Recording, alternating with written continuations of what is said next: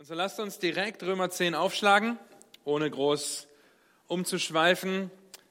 Und während ihr dorthin blättert, falls ihr es nicht schon getan habt, erwähne ich kurz, wo wir uns gerade befinden. Freude an der Verteidigung des Evangeliums. In Römer 9 haben wir festgestellt, dass Paulus die Erwählungslehre Gottes verteidigt. In Römer 10 sehen wir, wie er die Verantwortung des Menschen verteidigt, nämlich dass er dem Evangelium gehorchen muss, um gerettet zu werden, rettender Glaube. Und in Kapitel 11 dann wird er die Zukunft Israels verteidigen und die Barmherzigkeit Gottes damit verteidigen, bevor er dann mit dem Lobpreis über Gott, über seine unvergleichliche Größe, seine Weisheit und der damit verbundenen Ehre abschließt. Und das werden wir in zwei Wochen tun, bevor wir dann in vier Wochen mit Römer Kapitel 12 und der Freude an der Anwendung des Evangeliums beginnen. Nun, wir sind in Römer 12 und haben am Sonntag angefangen, uns vier Qualitäten rettenden Glaubens anzuschauen. Was macht rettenden Glauben aus? Nun, Römer 10 gibt uns eine Antwort darauf und so lasst uns dieses Kapitel, Römer Kapitel 10, gemeinsam lesen und auf Gottes Wort hören. Gottes Wort sagt, Brüder, der Wunsch meines Herzens und mein Flehen zu Gott für Israel ist, dass sie gerettet werden. Denn ich gebe ihnen das Zeugnis, dass sie Eifer für Gott haben, aber nicht nach der rechten Erkenntnis. Denn weil sie die Gerechtigkeit Gottes nicht erkennen und ihre eigene Gerechtigkeit aufzurichten trachten, haben sie sich der Gerechtigkeit Gottes nicht unterworfen. Denn Christus ist das Ende des Gesetzes zur Gerechtigkeit für jeden, der glaubt.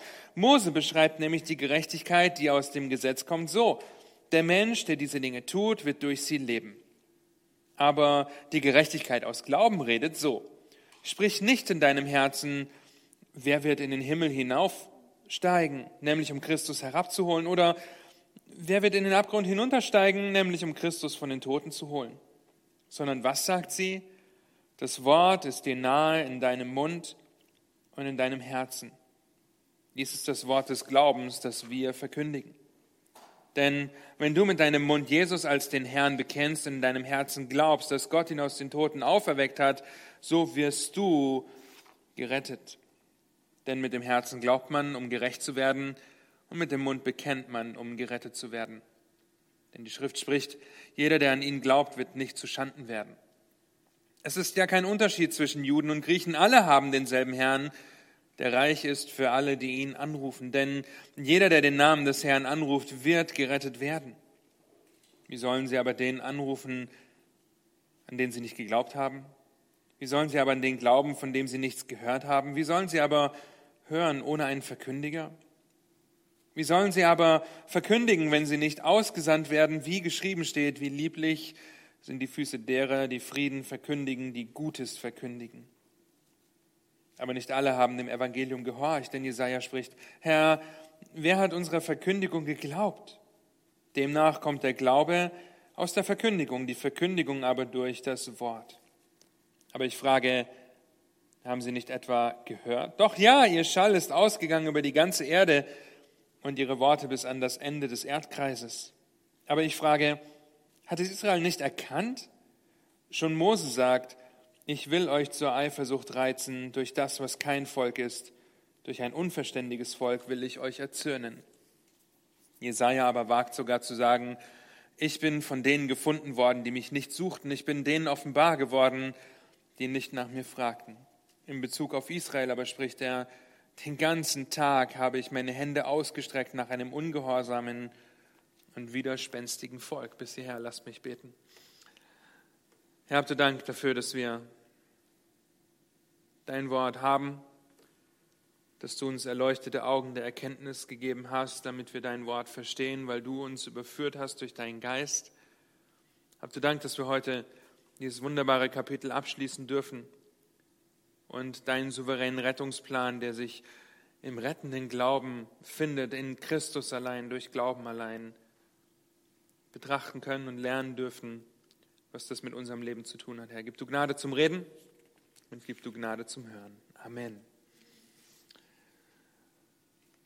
Nun, letzten Sonntag haben wir schon festgestellt, dass rettender Glaube die erste Qualität hat und nicht mit aufrichtigem Eifer verwechselt werden darf. Ja, und ich hoffe, dass ihr, wenn ihr diese Predigt gehört habt, sie nicht mit einem falschen Eifer für jemand anderen gehört habt, okay, sondern im Gebet zu Gott geflohen seid, ihn entweder um Vergebung gebeten habt in der Vergangenheit oder für Dinge in der Vergangenheit oder ihn in den letzten Tagen darum angefleht hat, ihn gebeten habt, dass er euch oder dir zeigt, wo du vielleicht falschen Eifer hast. Nun, zweimal zitiert Paul, äh, Paulus hier Mose und zweimal ist der Kontext von Mose Segen bei Gehorsam und Fluch bei Ungehorsam. Und wenn es von Anfang an vor ihren Augen war, wie wir in Vers 8 lesen können, dass es nahe ist ähm, und dass es in den Herzen ist oder vor ihren Herzen ist, dann müssen wir nicht lange suchen, wenn Paulus hier 5. Mose 30 zitiert und müssen nur sechs Verse vorher in 5. Mose 30 schauen, um festzustellen, dass es von Anfang an darum ging, dass Gott das Herz verändert. 5. Mose 30, Vers 6, dort heißt es, und der Herr, dein Gott, wird dein Herz und das Herz deiner Nachkommen beschneiden, dass du den Herrn, deinen Gott, liebst von ganzem Herzen und von ganzer Seele, damit du lebst. Die Wiederherstellung, der Segen für Israel bei Gehorsam und das kommt von Gott, der die Herzen beschneidet, der am Herz arbeitet und nicht, wie die Israeliten, die Juden meinten, durch aufrichtigen Eifer das Gesetz zu halten. Nun, wahrhaft aufrichtiger Eifer, haben wir auch gesehen, führt dazu, dass wir das Evangelium verkündigen. Wie wir das im Leben von Paulus sehen, Römer 1, Römer 9 und Römer 10. Rettender Glaube ist nicht gleichzusetzen mit, falsch, mit aufrichtigem Eifer. In den Versen 9 bis 13 finden wir die zweite Qualität die da lautet, rettender Glaube ist in Christus allein und durch Glauben allein. Das heißt, wenn Paulus über richtige und falsche Gerechtigkeit spricht, dann hat er in Römer 9, Vers 30 bis 33 schon aufgezeigt, dass richtige Gerechtigkeit und die damit verbundene Rechtfertigung nicht durch das Einhalten des Gesetzes kommt, sondern aus Glauben und nur durch Glauben erlangt werden kann direkt an Vers 8 anknüpfen in Kapitel 10 und den Kontext von 5. Mose 30 im Hinterkopf, geht Paulus jetzt darauf ein, was rettender Glaube bekennt, nämlich Christus als Herrn und Retter. In zwei Versen, Vers 9 und Vers 10, doppelt Paulus seine jeweilige Aussage. Ja, und er macht deutlich, dass rettender Glaube Auswirkungen auf den gesamten Menschen hat. Leider lassen diese Verse manche Ausleger fälschlicherweise davon ausgehen, dass man Christus als sein Retter und Christus als sein Herrn voneinander trennen kann. Okay, dass ich sagen kann, ja, ich glaube, dass Christus für meine Sünde gestorben und, und gestorben ist und dass ich durch Christus gerecht werde. Und irgendwann vertraue ich ihm auch mein Leben an als Herr. Nun, fälschlicherweise kommen sie dorthin, zu dieser Auslegung und führen weitere Stellen an, die dem nicht entsprechen.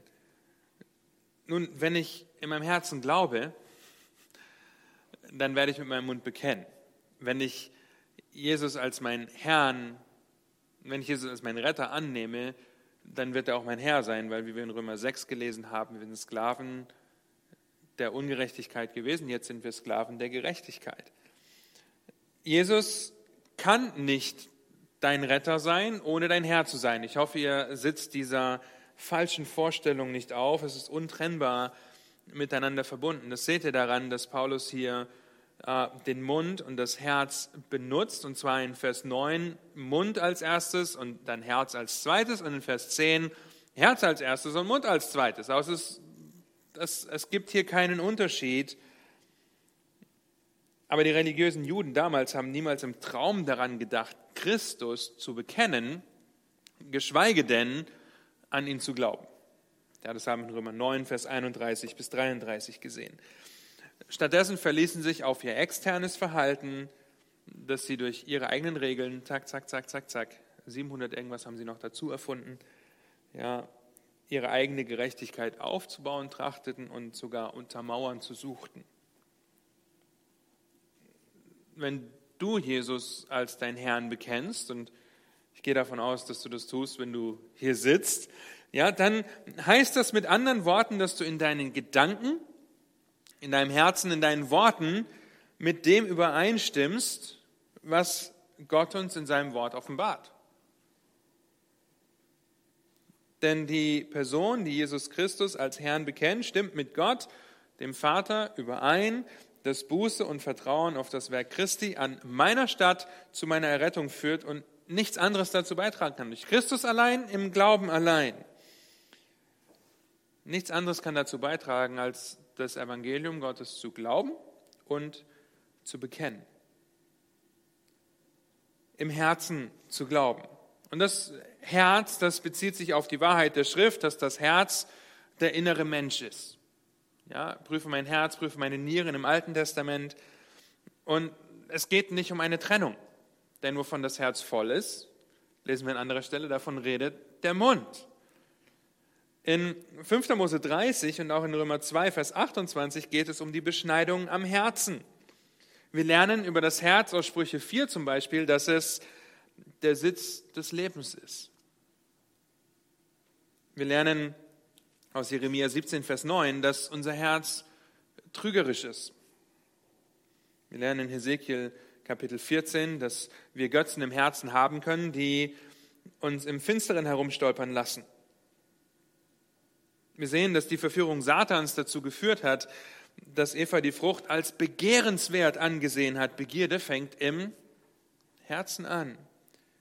Und ihr Verlangen im Herzen hat dazu geführt, dass sie gehandelt hat, gesündigt hat. Das heißt, das Herz und den Mund können wir nicht voneinander trennen. Denn wenn ich in meinem Herzen eine Entscheidung treffe, dann wird mein Mund und mein Verhalten folgen. Wir lernen aber auch, dass wir Gottes Wort im Herzen tragen, damit wir nicht gegen ihn sündigen. Warum? Weil die Entscheidung in unserem Herzen immer Auswirkungen auf mein Denken und auf mein Handeln hat. Und der Einzige, der mein Herz, der dein Herz, deinen inneren Menschen verändern kann, ist Gott. Warum? Weil er es ist, der laut Jeremia 17, Vers 10 das Herz erforscht. Weil der Herr es ist, der durch sein Wort bis zu unserem Herz vordringt, laut Hebräer 4, Vers 12. Der Herr ist der Kenner der Herzen. Apostelgeschichte 1, Vers 24, wo es darum geht, den zwölften Apostel zu wählen. Das heißt, Christus allein, weil er die zweite Person der Dreieinigkeit ist, ist die Antwort auf die Frage, wie wir gerecht vor Gott stehen können. Und wenn wir das glauben, dann werden wir das auch bekennen. Er muss und nur er kann uns zu einer neuen Schöpfung machen. Nichts anderes kann das. Ja, durch Christus allein, im Glauben allein, durch Glauben allein. Nicht durch das Einhalten des Gesetzes, nicht durch falschen Eifer. Mit dem Herz zu glauben bedeutet nichts anderes, als mit dem Mund zu bekennen, dass Christus alleine rettet, weil Christus, wie es in Vers 9 heißt, aus den Toten auferweckt worden ist. Aber warum benutzt Paulus ausgerechnet die Auferstehung Jesu und nicht die Jungfrauengeburt? Nicht sein gerechtes Leben, nicht seine Gottheit oder den Tod Jesu, mit dem wir im Glauben allein doch auch mit Christus allein übereinstimmen. Nun, das gehört alles dazu. Aber warum ausgerechnet die Auferstehung aus den Toten? In unserem Abschnitt geht es um Gerechtigkeit.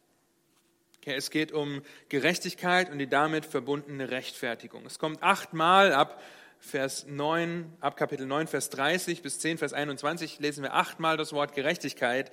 Die Juden versuchten das durch das Einhalten des Gesetzes, durch falschen Eifer ihre Gerechtigkeit zu erwirken. Ja, durch das Einhalten des Gesetzes, aber es kann nur durch Glauben geschehen. Und wenn ihr ein paar Seiten zurückblättert zu Römer Kapitel 4, wo wir das Beispiel Abrahams haben, da lesen wir in den letzten Versen, wo es heißt, Abraham wurde durch Glauben Durch Glauben wurde es ihm als Gerechtigkeit angerechnet. Ab Vers 23 heißt es in Römer 4, es steht aber nicht allein um seinetwillen geschrieben, dass es ihm angerechnet worden ist, sondern auch um unsretwillen, denen es angerechnet werden soll. Wenn wir an den glauben, der unseren Herrn Jesus aus den Toten auferweckt hat, ihn, und jetzt müsst ihr gut zuhören, weil das ist wichtig, um zu verstehen, warum er hier die Auferstehung be benutzt. Ihn, in Vers 25, der um unserer Übertretung willen dahingegeben worden ist, also Christus ist gestorben, um den Preis für die Sünde zu bezahlen, und um unserer Rechtfertigung willen auferweckt worden ist. Die Auferstehung Jesu ist die Bestätigung des Vaters, dass das Leben Jesu und sein Tod anerkannt wird und meine Rechtfertigung erwirkt. Okay? Das heißt, weil Christus aus den Toten auferweckt wurde, wird mir Rechtfertigung zugesprochen. Wenn Christus tot geblieben wäre, dann wären mir vielleicht die Sünden, wären für meine Sünden bezahlt, aber dann hätte ich noch nicht die Gerechtigkeit Gottes in Christus und könnte nach wie vor nicht vor Gott bestehen, weil ich dann überlegen müsste, okay, wie kann ich jetzt, ohne dass ich jedes Mal neu an Christi stellvertretenden Tod für meine Sünden glauben muss, äh, gerecht vor Gott wandeln? Weil dann müsste ich ja Werke tun, um mir Gerechtigkeit zu erwirken. Versteht ihr das? Den Unterschied? Für meine Sünde gestorben, ja, aber wenn mir Christi Gerechtigkeit angerechnet wird, dann muss ich für meine Gerechtigkeit nichts mehr tun, weil in Christi Auferstehung das bestätigt wird und mir dadurch angerechnet wird. Und die Frage ist, stimmst du mit Gottes souveränem Rettungsplan völlig überein? Wenn das hier steht, wenn wir Gottes Wort lesen, wenn ihr Römer 3 lest, stimmt ihr damit überein, weil, und das ist die Gefahr, und ich, ich bin nicht der Kenner der Herzen, okay, das ist Gott allein, man kann eine einwandfreie biblische Theologie haben. Man kann ein absolut moralisches Leben führen, ein Top-Eiferer sein und trotzdem verloren gehen, weil es nicht darauf ankommt, was du weißt und was du tust, wenn es um angerechnete Gerechtigkeit geht. Das heißt, erst wenn du völlig mit Gottes Rettungsplan übereinstimmst, ihm glaubst und das bekennst, ist Christus dein Herr und Retter. Das heißt nicht, dass ihr keine guten Theologen sein solltet, okay? Äh, dass ihr einfach sagen, okay, super, ja? Nein, auf keinen Fall. In Vers 10 finden wir die, diesen doppelten Aspekt und er greift das nochmal auf. Ja, mit dem Herzen glaubt man, bekennt man, ähm, greift er nochmal auf. Und hier sehen wir einen doppelten Aspekt der Errettung. Mit dem Herzen glaubt man, um gerecht zu werden, mit dem Mund bekennt man, um gerettet zu werden. Das ist im Endeffekt ein und dasselbe, aber es sind zwei Nuancen darin. Erstens sehen wir, dass jeder, der glaubt, dadurch gerecht wird. Das heißt, Gottes Gerechtigkeit im Leben, Dienst, Sterben, Auferstehen und der Himmelfahrt Jesu wird uns angerechtet. Okay, wird uns gut geschrieben, wir sind in Christus gerechtfertigt. Zweitens sehen wir, dass jeder, der bekennt, gerettet wird. Gerettet vor dem angemessenen Zorn über den Sünder. Den angemessenen Zorn, den Gott hat, von diesem Zorn werden wir freigesprochen. Wiederum durch das Leben, den Dienst, das Sterben, das Auferstehen und die Himmelfahrt seines geliebten Sohnes und nicht durch irgendetwas anderes. Wenn du das glaubst, wirst du nicht zu Schanden werden. Vers 11 ist eine Wiederholung des Zitates, was Paulus schon in Römer 9, Vers 33 gebracht hat am Schluss. Christus allein, durch Glauben allein. Das ist die Qualität rettenden Glaubens, die für diejenigen zu erlangen ist, die demütig zum Kreuz kommen und um Vergebung bitten und Vergebung erfahren. Denn es ist ja kein Unterschied. Es ist der einzige Weg. Es ist kein Unterschied zwischen Juden und Griechen. Alle haben denselben Herrn. Der Reich ist für alle, die ihn anrufen. Es gibt nicht für den Juden den Weg durch das Gesetz irgendwie zur Gerechtigkeit. Es gibt nicht für den Griechen oder für den Heiden den Weg des Glaubens.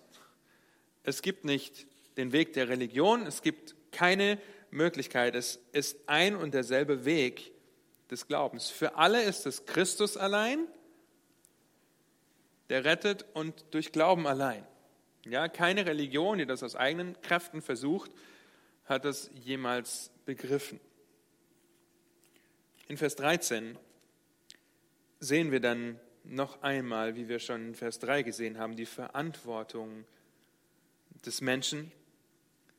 Und wir sehen auch in Vers 16 noch einmal die Verantwortung des Menschen. Er muss den Namen des Herrn anrufen. Er muss dem Evangelium glauben. Die Verantwortung des Menschen, er muss den Namen des Herrn anrufen. Und es deckt sich absolut mit der Erwählungslehre Gottes. Ja, das Beispiel der Tür trifft es sehr gut, das ihr vielleicht schon gehört habt oder schon häufiger gehört habt. Auf der Vorderseite, wenn wir diese Tür sehen, steht, tue Buße und glaube dem Evangelium. Der Mensch, der den Herrn anruft, geht durch diese geistliche Tür, nur um festzustellen, dass auf der Rückseite steht, erwählt vor Grundlegung der Welt. Es widerspricht sich nicht.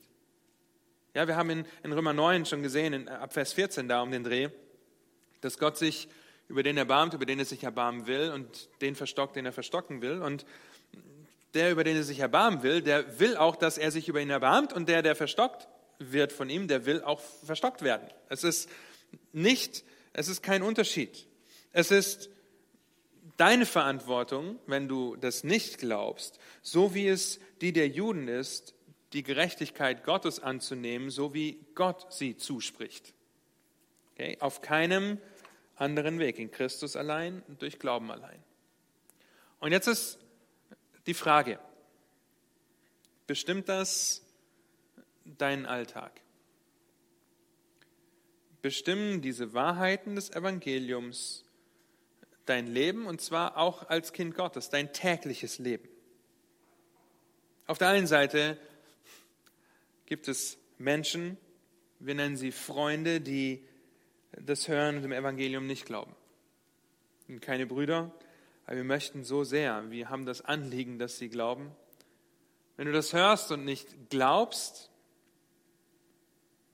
es gibt keine andere Möglichkeit.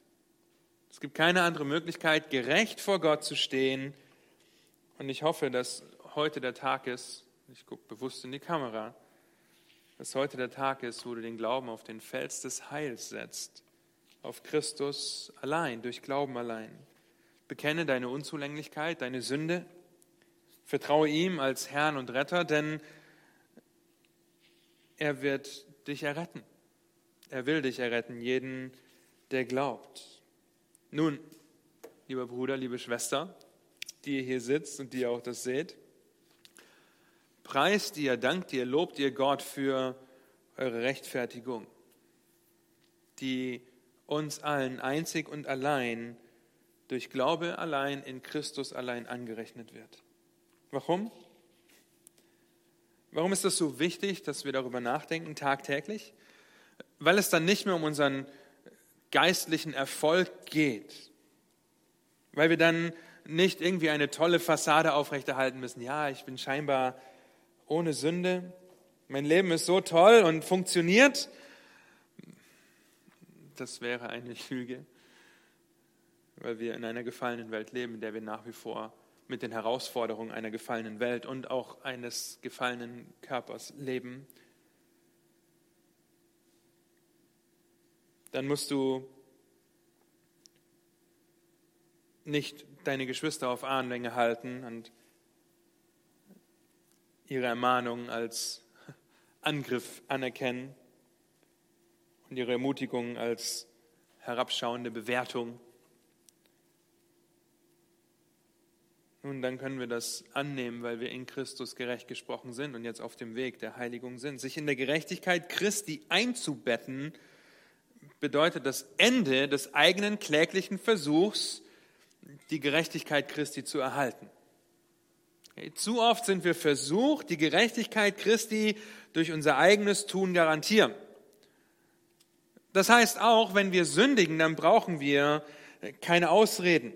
Dann müssen wir uns nicht mehr verstecken, dann müssen wir es nicht verheimlichen, weil wir gerecht sind. Das ist eine Tatsache, in Christus. Wenn es nicht in Christus wäre, nach wie vor nicht in Christus wäre, dann hätten wir ein Riesenproblem. Ja, es braucht Schuldverschiebung, damit das geschehen kann. Aber nicht eine Schuldverschiebung im Sinne von Adam, der Gott die Schuld gibt, dass er ihm Eva gegeben hat, die wiederum der Schlange die Schuld gibt, dass sie von dem Baum gegessen haben. Nein, es braucht eine Schuldverschiebung auf den gerechten Sohn Gottes, der deine Schuld bezahlt hat, der der glorreiche Sieger an deiner Stadt ist, weil er ohne Sünde war. Ich hoffe, dass, dass ihr versteht, dass ich euch schmackhaft vor Augen malen will, dass ihr, dass ich, dass wir das Evangelium täglich brauchen und dass wir unser gesamtes Leben darin einbetten müssen. Weil du und ich, wir werden niemals über das Evangelium Gottes hinauswachsen.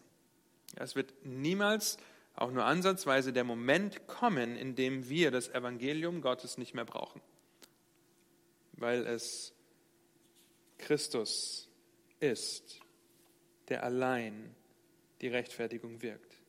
Das heißt, alle Lebensumstände, wie zum Beispiel harte Arbeit oder keine Arbeit, ja, herausfordernde Kinder, finanzielle Nöte, deine Beziehungen, alles musst du im Licht des Evangeliums betrachten, um demütig, aufrichtig und Gott wohlgefällig reagieren zu können.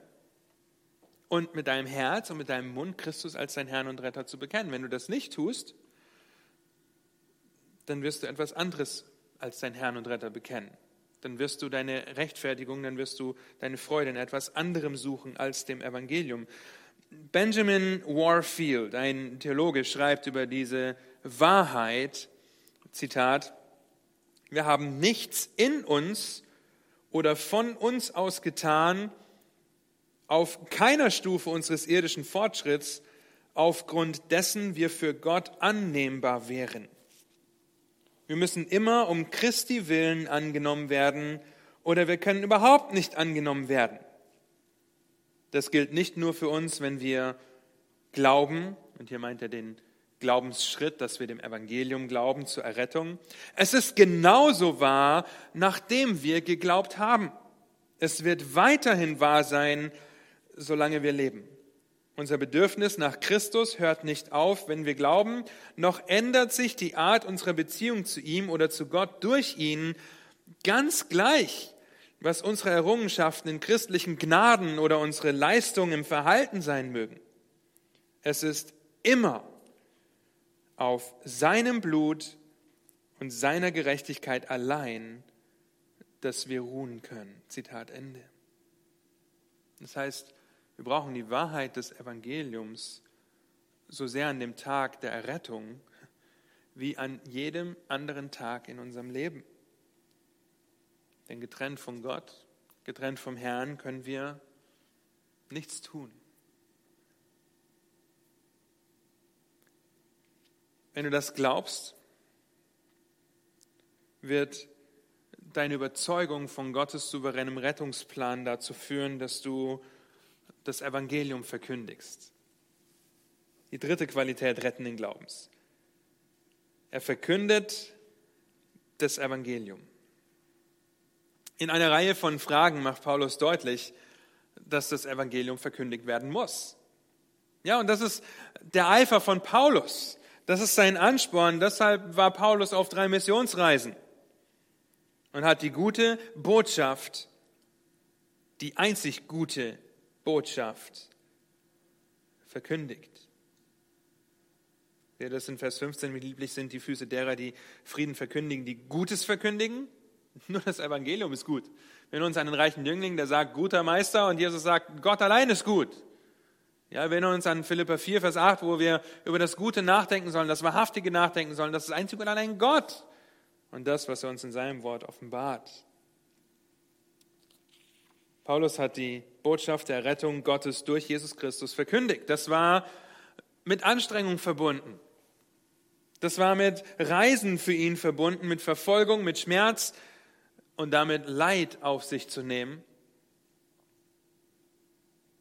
Wir erinnern uns an Paulus und Silas im Gefängnis, die gesungen haben, nachdem sie geschlagen wurden, in einen Stock gespannt wurden. Ein Erdbeben kam und durch ihr Zeugnis im Gefängnis der Kerkermeister und seine ganze Familie zum rettenden Glauben, sein ganzes Haus sogar zum rettenden Glauben kommt. Durch Glauben wird man errettet, das haben wir gesehen. Aber Glaube entsteht nur da, wo ein Sünder vom Tod und der Auferstehung Jesu hört. Wenn er hört und glaubt, wird er gerettet. Und er kann nur hören und glauben, wenn ihm jemand das Evangelium erklärt.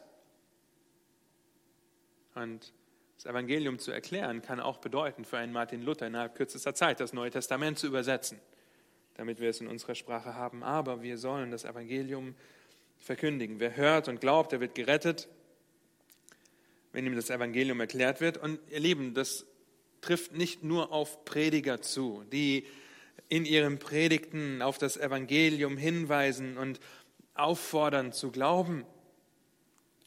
Ihr alle sollt es tun. Deswegen haben wir vorhin dafür gebetet, dass wir ein Licht und Zeugnis in dieser Welt sein dürfen. Denn woher sollen deine Nachbarn wissen, wenn sie nicht gehört haben? Vor allem hier in unserem Teil, wo sie vielleicht nicht mal eine Bibel zu Hause haben? Woher sollen deine Kinder wissen, wenn sie nicht häufig am Tag die Wahrheiten des Evangeliums aus deinem Mund hören und in deinem Leben sehen, weil das das ist, was du im Herzen glaubst, wovon du überzeugt bist, dass es dein Lebensantrieb ist. Ist euch bewusst, dass wir als Kinder Gottes Botschafter Gottes sind. Und um Botschafter Gottes zu sein, müssen wir die Botschaft Gottes verkündigen, sonst wären wir keine Botschafter für Gott. Und die Botschaft Gottes ist, lasst euch versöhnen mit Gott, wie wir das in 2. Korinther 5 lesen. Verkündigst du das Evangelium an deinem Arbeitsplatz, wo auch immer du bist?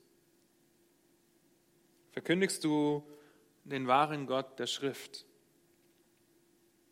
Sind es so traurig, dass Gemeinden und in den letzten Wochen geht ein Apologet sehr durch die Medien, dass es Gemeinden und Apologeten gibt, die Gott zwar verteidigen, die seine Größe zur Schau stellen, die aber niemals das Evangelium in Gänze und aus dem Wort Gottes verkündigen und zum Glaubensgehorsam aufrufen.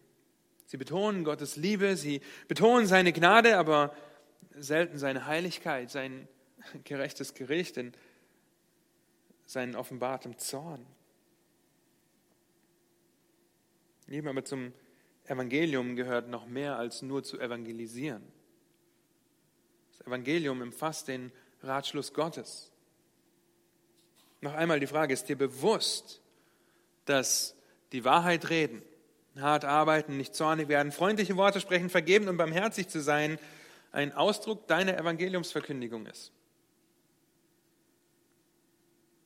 Das heißt, was bestimmt die Gespräche mit deinem Ehepartner? Was bestimmt die Gespräche mit deinen Glaubensgeschwistern? Ist es von der Wahrheit des Evangeliums getränkt oder ist es von irgendetwas anderem getränkt? Was bestimmt dein Verhalten gegenüber deinen Kindern, deinen Arbeitskollegen? Es ist sehr richtig, dass die zentralen Wahrheiten des Evangeliums, das Leben, der Dienst, das Sterben, der Tod, äh, das Sterben und der Tod, die Auferstehung und die Himmelfahrt Jesu zentrale Wahrheiten sind. Aber diese Wahrheiten sollten phänomenale Auswirkungen auf dein Leben haben, auf mein Leben haben, weil wir hinschauen auf Christus.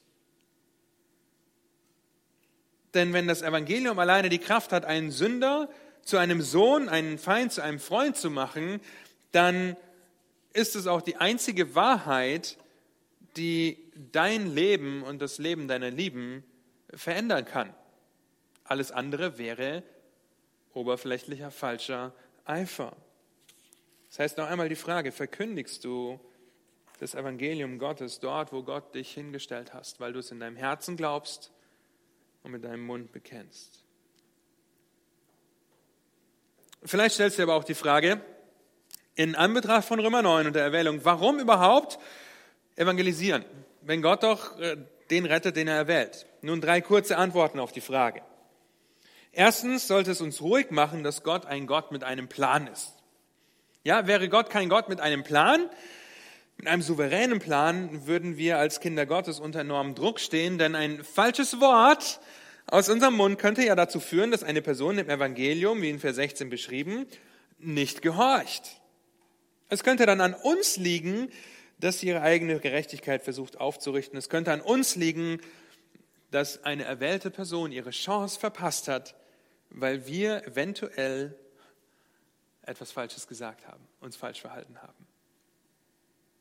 Anstatt darüber nachzudenken, dass in so einem Fall, wo wir darüber nachdenken, habe ich das Falsche gesagt? Warum hat sie sich bekehrt? Ähm, darum ringen können und für die Person beten können. Und eventuell nur das erste Glied in der Gottes Kette der Errettung sind, die zieht. Weil wir diese Person vielleicht das erste Mal darauf ansprechen. Zweitens sollte es uns ins Gebet treiben, weil wir das Vorrecht und Privileg haben, das Evangelium zu verkündigen. Ihr Lieben, ich könnte ohne weiteres und in einer Geschwindigkeit ein Lego-Haus für meine Töchter bauen. Das wäre überhaupt kein Problem. Und wahrscheinlich bin ich schneller, als wenn ich sie mit einspannen würde und alles selber mache. Aber ich spanne meine Töchter mit ein, gebe ihnen das Vorrecht und die Freude, mit ihrem hoffentlich sie liebenden Vater zusammen dieses Haus zu bauen, gemeinsam das zu machen, auch wenn ich sie dazu vielleicht nicht benötige und einfach sagen könnte, hier ist euer fertiges Haus, freut euch darüber. Ja, das ist Freude, die wir haben, aber wir haben das Vorrecht mit zu bauen. Und deshalb sind wir wie Jesaja. Sind wir wie, Jesaja, der die Heiligkeit Gottes sieht, der gereinigt wird, wie wir gerade schon gelesen haben in der Gebetsstunde, der daraufhin sagt, sende mich, wenn auch nur wenige seiner Botschaft Gehör schenken. Jesaja spricht, wer hat meiner, wer hat unserer Verkündigung geglaubt? Die ungläubige Person, die du ständig im Gebet zu Gott erhebst, bei der du nach Gelegenheiten suchst, die verändernde Kraft des Evangeliums zu verkündigen und ihr vorzuleben, könnte eine von Gott erwählte Person sein. Und vielleicht hat er in seiner Souveränität festgelegt, dass du das letzte Glied in der Kette seiner Errettung bist, die zieht. Dass du miterfahren darfst, vielleicht auch erst nach Jahren oder Jahrzehnten, dass diese Person Buße tut und zum Glaubensgehorsam befreit wird. Verwirkt das nicht. Die Freude daran, daran mitwirken zu dürfen, das Evangelium zu verkündigen. Drittens sollten wir Gott nicht in Frage stellen, und uns ständig überlegen, wer erwählt sein könnte und wer nicht. Ja, hätte Gott gewollt, dass wir wissen, wer erwählt ist, dann würde es irgendein Zeichen dafür geben, ein E auf der Stirn oder ein Leuchten, ich habe keine Ahnung. Ja, Gott fordert zur Umkehr auf, zur Buße auf, tut Buße und glaubt dem Evangelium. Wir fordern dazu auf. Ob eine Person umkehrt oder nicht, liegt in der Verantwortung der Person vor Gott, indem sie dem Evangelium gehorcht oder nicht. Es ist aber unsere Verantwortung als treue Verwalter unseres Herrn, die ganze Welt zu Jüngern zu machen. Der Missionsbefehl unseres Herrn. Nun, es ermutigt uns auch darüber nachzudenken, weil wir verstehen dürfen, dass es für rettenden Glauben keinen hoffnungslosen Fall gibt. Ja, vielleicht denkt ihr das mal, oh, das, das ist hoffnungslos verloren. Gibt es nicht bei Gott so können wir jedem mit der Hoffnung des rettenden Glaubens des Evangeliums Gottes das Evangelium verkündigen, weil der Glaube aus der Verkündigung des Wortes kommt und nicht aus deinem Verhalten, aus deinem falschen Eifer und deinem verkehrten Leben. Nun, wir sind das beste Beispiel dafür, wenn wir unser Leben vor der Errettung betrachten.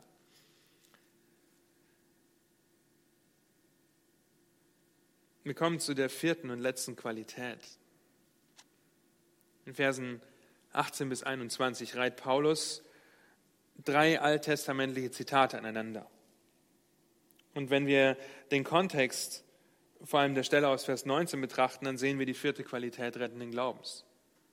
Rettender Glaube wendet sich vom Götzendienst ab und dem lebendigen Gott zu.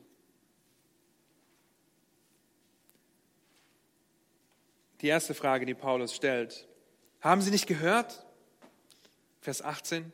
Aber ja doch. Und wir sehen in seiner Antwort, dass Götzendienst die Wahrheit nicht wahrhaben will. Von Anfang an offenbart sich Gott in seiner Schöpfung. Von Anfang an erkennt auch David, dass die Schöpfung die Herrlichkeit des Herrn verkündigt. Psalm 19, Vers 2. Und hier zitiert er jetzt Psalm 19 Vers 5. Gott offenbart sich in seiner Schöpfung und weist auf sich selbst hin. Und der zitierte Vers in Römer 10 nimmt Bezug auf die hell strahlende Sonne, die ihre Bahn läuft. Jeder Jude, jeder Grieche, jeder Mensch kann in der Schöpfung erkennen, dass es Gott gibt. Und dieser Vers erinnert uns vielleicht an die ernüchternden Verse aus Römer 1, Vers 18 und 19, wo wir gelernt haben, dass der gottlose Mensch die Wahrheit Gottes mit aller Kraft versucht zu unterdrücken, wie einen Hydranten zuzuhalten. Vers 19 heißt es, weil das von Gott Erkennbare unter ihnen offenbar ist, da Gott es ihnen offenbar gemacht hat. Die traurige Tatsache ist, dass die Juden aufgrund ihres Götzendienstes nach geistlichem Erfolg oder Gesetzlichkeit und dem damit verbundenen falschen Eifer für Gott die Wahrheit rettenden Glaubens ablehnten, die sie in der Schöpfung wahrnehmen konnten, die durch Propheten dann in der speziellen Offenbarung, in, dem, in den Aussprüchen Gottes, durch die Propheten, durch die Apostel, letztendlich durch Christus selbst verkündigt wurde. Götzendienst will die Wahrheit nicht wahrhaben. Die zweite Frage, die Paulus stellt, ist, haben Sie nicht erkannt, nun, offensichtlich nicht, denn um die eigene Gerechtigkeit, sich um die eigene Gerechtigkeit zu drehen, macht den Götzendiener blind für die Wahrheit rettenden Glaubens. Und noch einmal, der Ungehorsam Israel sollte uns nicht wundern, denn sie haben sich seit jeher nichtigen Götzen zugewandt. Im Fall des Römerbriefs ihr eigener geistlicher Erfolg, ihr eigenes geistliches Trachten, Streben, Eifern. Paulus zitiert hier 5. Mose 32, Vers 31, ein Kontext, in dem wir das Lied Mose finden in Kapitel 32, 5. Mose. Aber vorher geht es um Fluch und Segen. In dem Lied geht es um den Ungehorsam. Und wir finden in 5. Mose 31, ein Kapitel vorher, folgende Worte über das Volk Israel. Und sie werden sich anderen Göttern zuwenden und ihnen dienen, und mich werden sie verachten und meinen Bund brechen. Ein Ausspruch über Israel, ein sehr trauriger Vers, weil wir sehen, wie er der Wahrheit entspricht. In Kapitel 32 kommt Mose dann zu dem Lied, das er den Israeliten beibringen sollte und das sie sich erinnern sollten. Wenn ihr das aufgeschlagen habt, wenn nicht, ist das nicht schlimm, dann überfliegt dieses Kapitel kurz mit mir. Vers 3, 5. Mose 32 heißt es, gebt unserem Gott die Ehre. In Vers 4 heißt es, er ist der Fels, vollkommen ist sein Tun. Dann einige Verse weiter in Vers 15 heißt es, und er verwarf den Gott, er ist Israel, er verwarf den Gott, der ihn geschaffen hat, und er verachtete den Fels seines Heils. Vers 16, Sie erregten die Eifersucht Gottes durch fremde Götter. Vers 18. Den Fels, der dich gezeugt hat, hast du außer Acht gelassen und du hast den Gott vergessen, der dich hervorbrachte. Vers 21. Das Resultat, so will auch ich sie zur Eifersucht reizen. Das ist das, was wir hier lesen in Römer 10. Durch das, was kein Volk ist, durch ein törichtes Volk will ich sie erzürnen. Und dann Vers 28, denn sie, Israel, sind ein Volk, an dem aller Rat verloren ist und das keine Einsicht besitzt. Ab Vers 36 geht es dann um die Wiederherstellung und Gottes Barmherzigkeit, wie wir sie dann auch in Römer 11 vorfinden werden. Wen haben die Juden abgelehnt? Den Fels des Heils.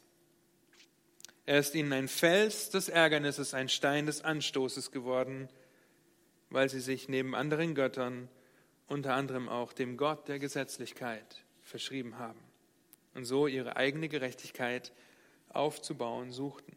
Götzendienst kann die Wahrheit nicht sehen, will die Wahrheit nicht sehen, wenn sie verkündet wird. Stattdessen wird der Mensch der auf den Weg, die Wahrheit und das Leben in Christus allein durch Glauben allein hingewiesen wird, zornig. Und weil sie die Wahrheit ablehnen und nicht sehen wollen, reizt Gott sie und macht den rettenden Glauben, wie wir schon in Römer 9 gesehen haben, den Heiden zugänglich durch Glaube an Christus allein. Das führt ihn dann zu den Versen 20 und 21. Noch einmal zu Jesaja, ein erschreckend trauriger Abschluss dieses Kapitels. Eine Wiederholung in Vers 20, eigentlich eine Wiederholung aus Kapitel 9, Vers 30. Die, die nicht gesucht haben, haben gefunden. Ihnen ist das zugänglich geworden. Die, die nicht suchten, haben Gerechtigkeit durch Glauben erlangt. Die, die nicht nach ihm gefragt haben, haben die Wahrheit des Evangeliums und den damit verbundenen rettenden Glauben erkannt. Es ist ihnen offenbar geworden, weil Gott souverän rettet, wen er will. Es geht um Gott, rettender Glaube für jeden, der den Namen des Herrn anrufen wird. In Vers 21 die ernüchternde Wahrheit des Götzendienstes. Götzendienst lehnt Gott selbst ab. Direkt nach dieser fantastischen Aussage, dass nicht Juden gerettet werden und die meisten von uns das hören und sagen, ja, preis den Herrn dafür, sonst wäre ich nicht in den Genuss des Evangeliums gekommen. Nun direkt danach die ernüchternde Wahrheit. Jesaja schreibt diese zermürbenden, traurigen Worte Gottes. Den ganzen Tag, den ganzen Tag habe ich meine Hände ausgestreckt nach einem ungehorsamen und widerspenstigen Volk. Den ganzen Tag. Kannst du dir das vorstellen? Vielleicht schon, weil du vielleicht ungläubige Kinder hast, die gegen Gott rebellieren, die dein Haus schon verlassen haben und es dich zermürbt zu sehen, wie gottlos sie leben und in die falsche Richtung rennen. Es ist die ernüchternde Wahrheit, dass Götzendienst Gott selbst ablehnt. Das Volk Israel steht quasi mit verschränkten Armen und dem Rücken zu Gott da, steht falsch herum Gottes Barmherzigkeit, seinem Erbarmen, seiner Gnade, seiner Güte gegenüber und wendet sich Götzen zu. Ihr müsst es verstehen, wenn ich mich nicht Gott zuwende, sondern von ihm abwende, dann wende ich mich etwas anderem zu. So haben das die Juden gemacht. Und doch, und doch streckt Gott seine Hand aus seine Hand der Barmherzigkeit und des Erbarmens und wird, wie wir in Kapitel 11 sehen werden, am Ende wiederherstellen und einen Überrest retten. Ihr Lieben, wenn, wenn ihr euch, wenn wir uns nicht an rettenden Glauben klammern, was Gottes souveränem Rettungsplan entspricht und die Wahrheiten der Schrift glauben, dann werden wir uns automatisch an etwas anderes klammern. Wenn du dem Evangelium nicht glaubst, noch einmal, wende dich von deinen Götzen ab und Gott zu, der mit ausgestreckten Armen dasteht und nicht nur seinem Volk Israel gegenübersteht, sondern auch dir, weil er in seinem Sohn, den er für dich gab, Errettung und ewiges Leben schenken will, weil er die Welt so sehr geliebt hat. Aber wenn du hier sitzt und gläubig bist und ich hier stehe, dann lesen wir in Gottes Wort auch immer wieder, dass wir die Taten des Leibes, die Glieder des Fleisches der Sünde abtöten sollen. Die nichtigen Götzen, denen auch wir uns jedes Mal zuwenden, wenn das, was uns in Gottes Wort über Gott und Christus und dem Evangel das Evangel des Evangeliums geoffenbart wird, nicht genug ist.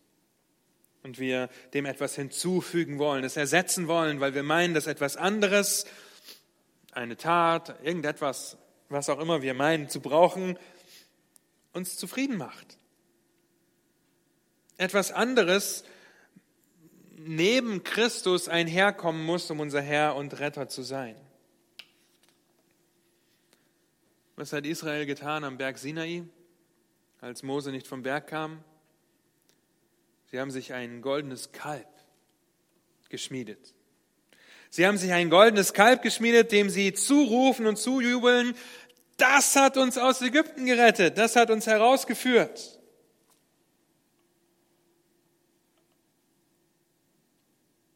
Wir können uns goldene Kälber schmieden. Sicherheit in Beziehungen suchen. Kontrolle über Finanzen zu brauchen, Macht über andere durch Manipulation zu erwirken, Anerkennung durch Ehrgeiz zu bekommen, Ruhe im Haus zu haben, wenn man will, was man will und dadurch seine Kinder im Zorn anschreit. Wir können uns Götzen basteln, weil jedes Mal, wenn wir unsere Sicherheit, unsere Kontrolle, unsere Macht, unsere Ruhe, unsere Anerkennung nicht in Gott, in Christus, im Evangelium finden, werden wir sie irgendwo anders suchen. Wenn wir in die Schrift schauen, dann müssen wir feststellen, dass es nicht auf unser Wirken ankommt. Ja, wir werden aufgefordert, im Evangelium zu glauben. Aber wenn wir das glauben, wird uns Gottes Gerechtigkeit in Christus zugesprochen.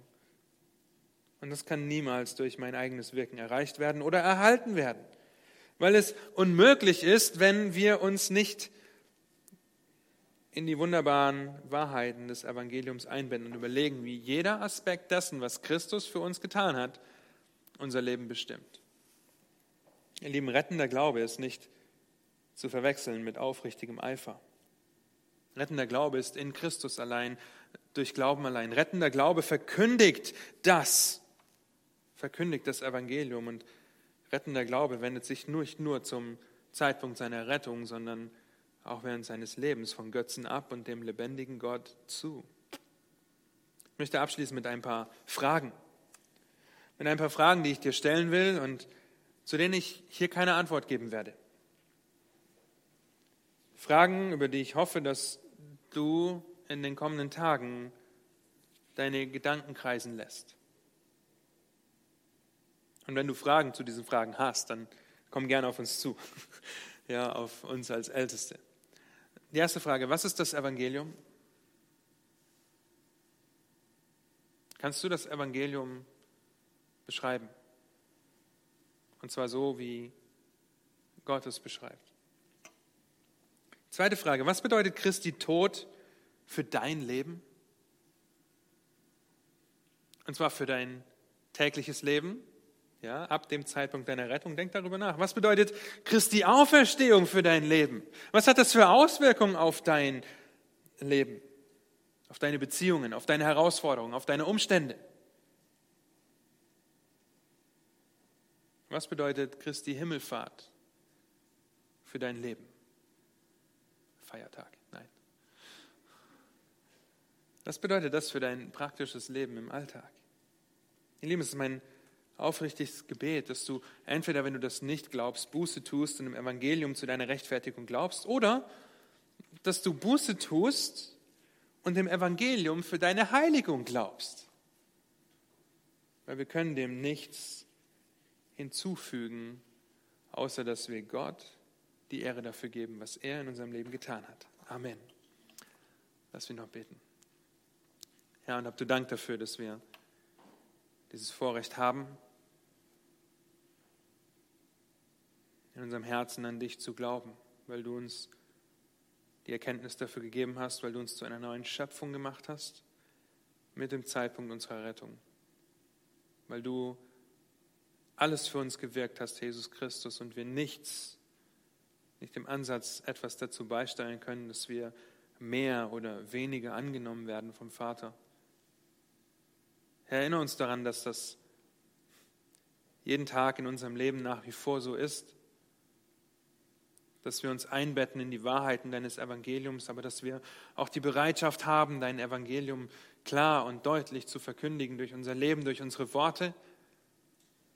Und schenk du Gnade, dass wir das tun, ob wir mit Ungläubigen reden oder ob wir mit Glaubensgeschwistern reden.